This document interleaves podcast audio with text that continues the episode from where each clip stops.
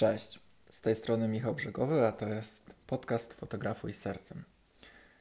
Słuchajcie, w tym odcinku chciałbym z Wami porozmawiać trochę o budowaniu historii zdjęciowych, głównie miłosnych, no bo takie głównie tworzę.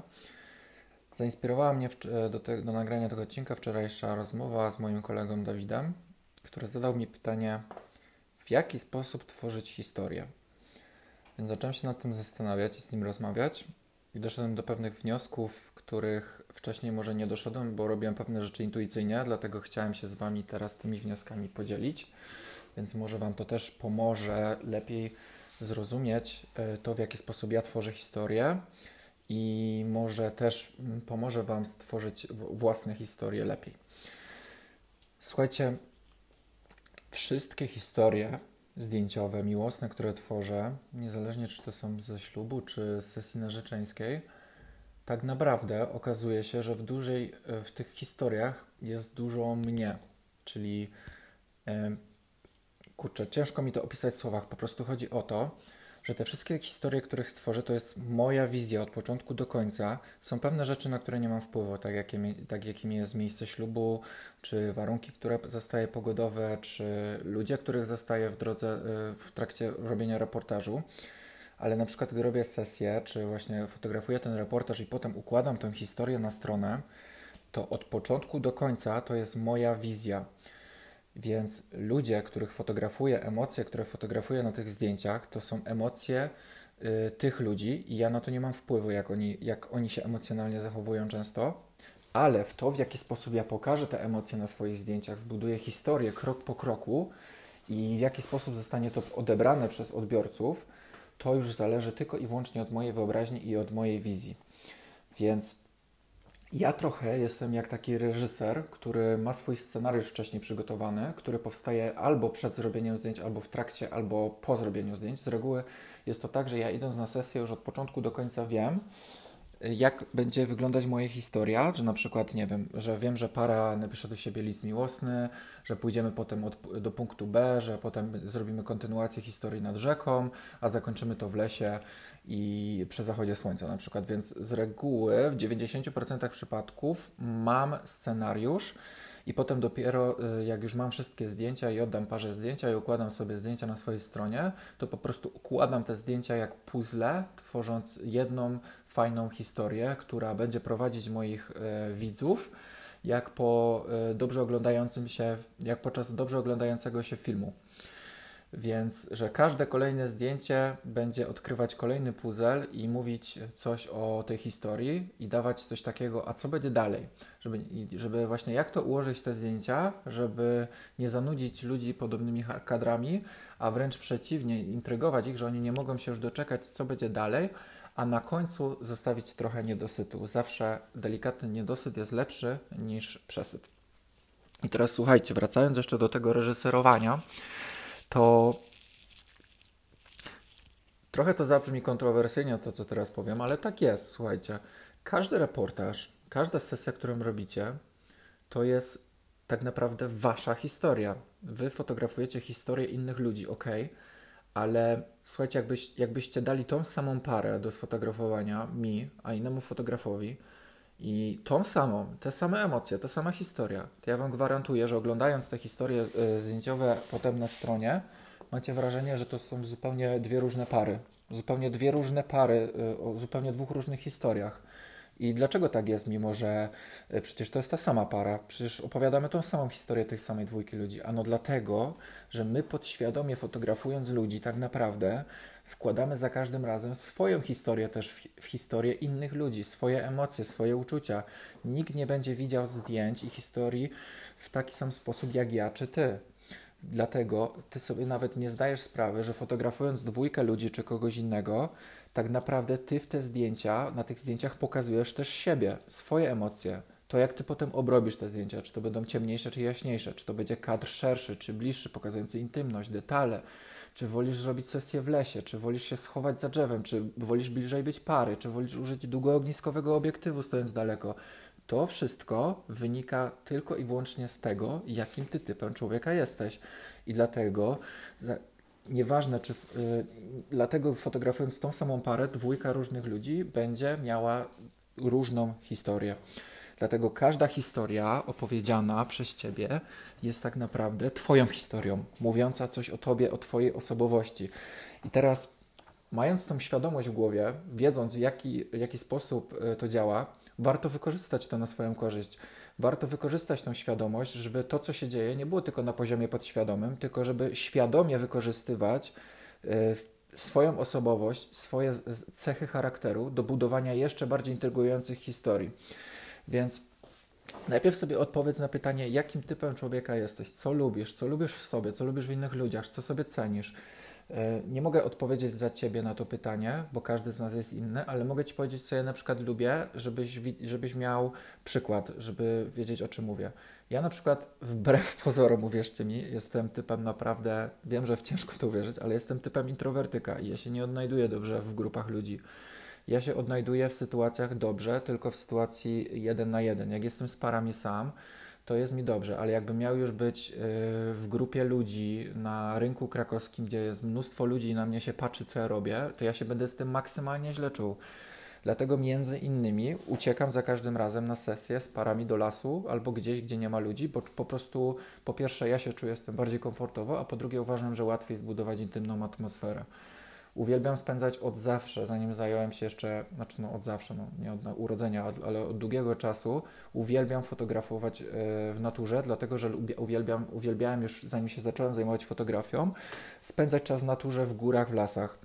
I w ogóle moja przygoda fotograficzna zajęła, zaczęła się od tego, że ja przez pierwszy rok fotografowałem tylko e, góry i lasy, bo, bo po prostu kupiłem aparat, żeby sobie fotografować swoje podróże, a potem dopiero się pojawili ludzie na moich zdjęciach. Więc w momencie, kiedy sobie odpowiedziałem na pytanie, lubię intymność, lubię lasy, lubię góry, to w tym momencie zacząłem świadomie zabierać pas, pary w, w, takie miejsca i fotografować tylko to, co lubię. I jak para chce, na przykład, żebym zrobił im zdjęcia w mieście, gdzie jest dużo ludzi, to proponuję im, słuchajcie, będę z wami szczery. E, po pierwsze, źle się z tym czuję, nie czuję tego klimatu a po drugie uważam, że dużo ciężej jest budować intymną atmosferę wśród y, innych ludzi. Więc mam dla Was propozycję. Albo idziemy gdzieś, gdzie nie ma ludzi, czyli y, poza miasto, albo na przykład robimy tę sesję o wschodzie słońca, no nie? Y, w, w, mieście, bo też nie będzie ludzi. I słuchajcie, no miałem kilka takich sytuacji i wszyscy się zgodzili. Naprawdę, wszystko zależy w jaki sposób to opowiesz i przedstawisz daną sytuację. tak, i słuchajcie, są jeszcze pewne takich rzeczy, o których mało kto mówi, yy, i, ale ja Wam o tym powiem. Słuchajcie, budując swoją historię, możecie robić przekłamania w historii. Możecie manipulować historią, możecie manipulować czasem, możecie manipulować miejscami. Yy, tylko wyobraźnia Was ogranicza. Co to znaczy manipulować? Słuchajcie, możecie manipulować chronologią zdjęć. Ja często yy, daję zdjęcia, które zrobiłem później w historii, która jest wcześniej. Czy na przykład użyłem zdjęcia dziewczynki, której zrobiłem zdjęcie po ślubie, a użyłem historii przed ślubem. Albo słuchajcie, to już w ogóle jest numer, albo y, zrobiłem zdjęcia ze swojego mm, pokoju hotelowego, jak wyglądałem przez okno, pokazując stadlinę koni przez okno, jak padał deszcz, bo po prostu był tak niesamowity widok. A y, Dom Państwa Młodych był oddalony chyba dwa kilometry od tego miejsca, ale dom był w bardzo podobnej stylistyce, w takiej, też położony blisko natury i lasu, jak ta stadnina koni, więc ja to ułożyłem w historii w taki sposób, że wygląda to jakby ta stadnina koni była tuż obok ich domu, mimo że nie była. I, bo po prostu to jest moja historia. To, jest, to nie jest historia tylko mojej pary, to jest też moja historia. I, ja pokazałem, w jaki sposób ja przeżyłem ten dzień. I ja pokazałem, w jaki sposób Y, ja doświadczyłem tego dnia, w jaki sposób jest moja wizja, to jest moja wizja i, i miałem ochotę to zrobić, to to zrobiłem. Są na przykład też takie sytuacje, jakie możesz jeszcze przekłamania zrobić, że na przykład y, jeśli chcesz zakończyć y, sesję zdjęciową na stronie z zachodem słońca, ale nie masz takiego zdjęcia, bo skończyliście zdjęcia wcześniej, ale zaczynaliście zdjęcia o wschodzie słońca, no to używasz na przykład zdjęcia ze wschodu jako zachód. Kto to będzie wiedział, że to zachód czy wschód? to są takie zakłamania, o, które, o których ci nikt nie powie, bo, yy, bo każdy woli tylko pokazywać ci ładne zdjęcia, które zrobił, ale, Ale tak się robi po prostu, słuchajcie, no tak się po prostu robi, to jest, to jest prawda. Robi się, manipuluje się chronologią, manipuluje się zdjęciami, yy, obrabia się je w taki sposób, żeby ci pasowało do historii. Yy, nie wiem, z dnia robi się noc często, z nocy się robi dzień. Yy, mimo, że jest ciemno na polu już albo jest pochmurnie, to niektórzy robią tak, że jest jasno. I to jest okej, okay, słuchajcie, bo to jest wasza historia, to jest wasza wizja i nikt nie ma prawa zarzucić wam, że yy, ale przecież tak nie było. No okej, okay, no i co z tego, że tak nie było? Ale to jest, to jest wasza historia, opowiadajcie ją jak wy chcecie, tylko wyobraźnia was ogranicza. Słuchajcie, jeszcze jedna rzecz, którą chcę poruszyć, to, że w jaki sposób opowiadać historię miłosne dwójki ludzi.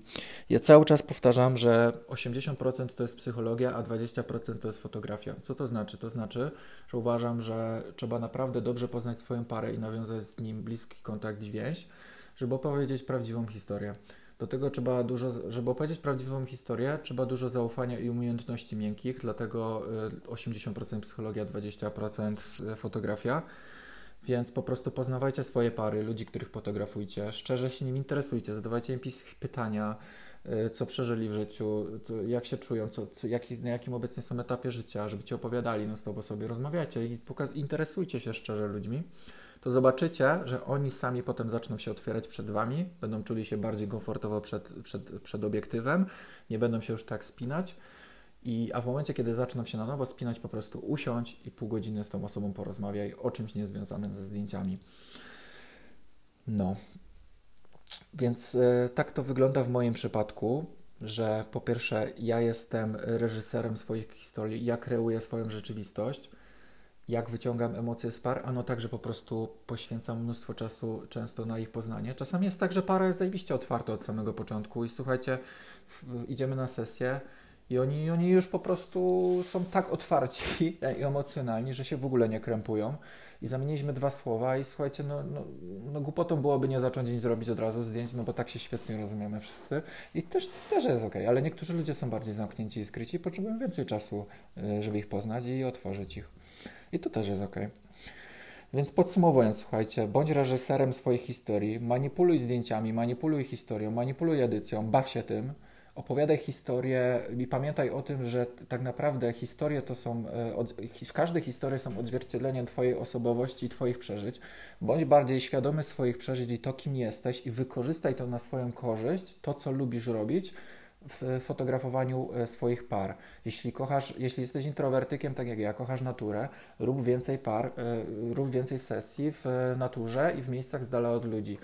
Jeśli kochasz poezję, kochasz wiersze, kochasz e, tego typu klimaty, to namawiaj swoje pary do napisania do siebie listu miłosnego i fotografuj to. No naprawdę, wystarczy po prostu poznać samego siebie i kreować sesję w taki sposób, jaki ty czujesz. Kolejna rzecz, pamiętaj, że fotografia to jest 80% psychologia, a 20% fotografia tak naprawdę i że niektóre pary wymagają więcej czasu na na to, żeby się otworzyć, więc poświęci im tyle czasu, ile potrzebują. Nigdy, I nigdy nie, nie, nie stawia jakichś reguł czasowych czy, czy czegoś takiego. Słuchajcie, ja co prawda mam w ofercie napisane, że tam, nie wiem, sesja narzeczeńska, yy, godzina, czy to tam druga, druga sesja plenerowa, tam trzy godziny, ale powiem Wam, że nigdy w życiu nie, yy, nie patrzę na zegarek. Naprawdę. Jeśli para potrzebuje więcej czasu, nie ma problemu. Ja im nie powiem, że mają mi więcej zapłacić, nie o to chodzi po prostu y, na potrzeby skonstruowania swojej oferty tak mam napisane, ale tak w, w praktyce Wam powiem, że, że to nie ma, że nigdy w życiu nie patrzę na ten zegarek. No, słuchajcie, dzięki za odsłuchanie tego podcasta i mam nadzieję, że to w jakiś sposób y, Was otworzy i da Wam taką świadomość, że tak naprawdę każda historia to jest Wasza historia. Trzymajcie się i miłego dnia.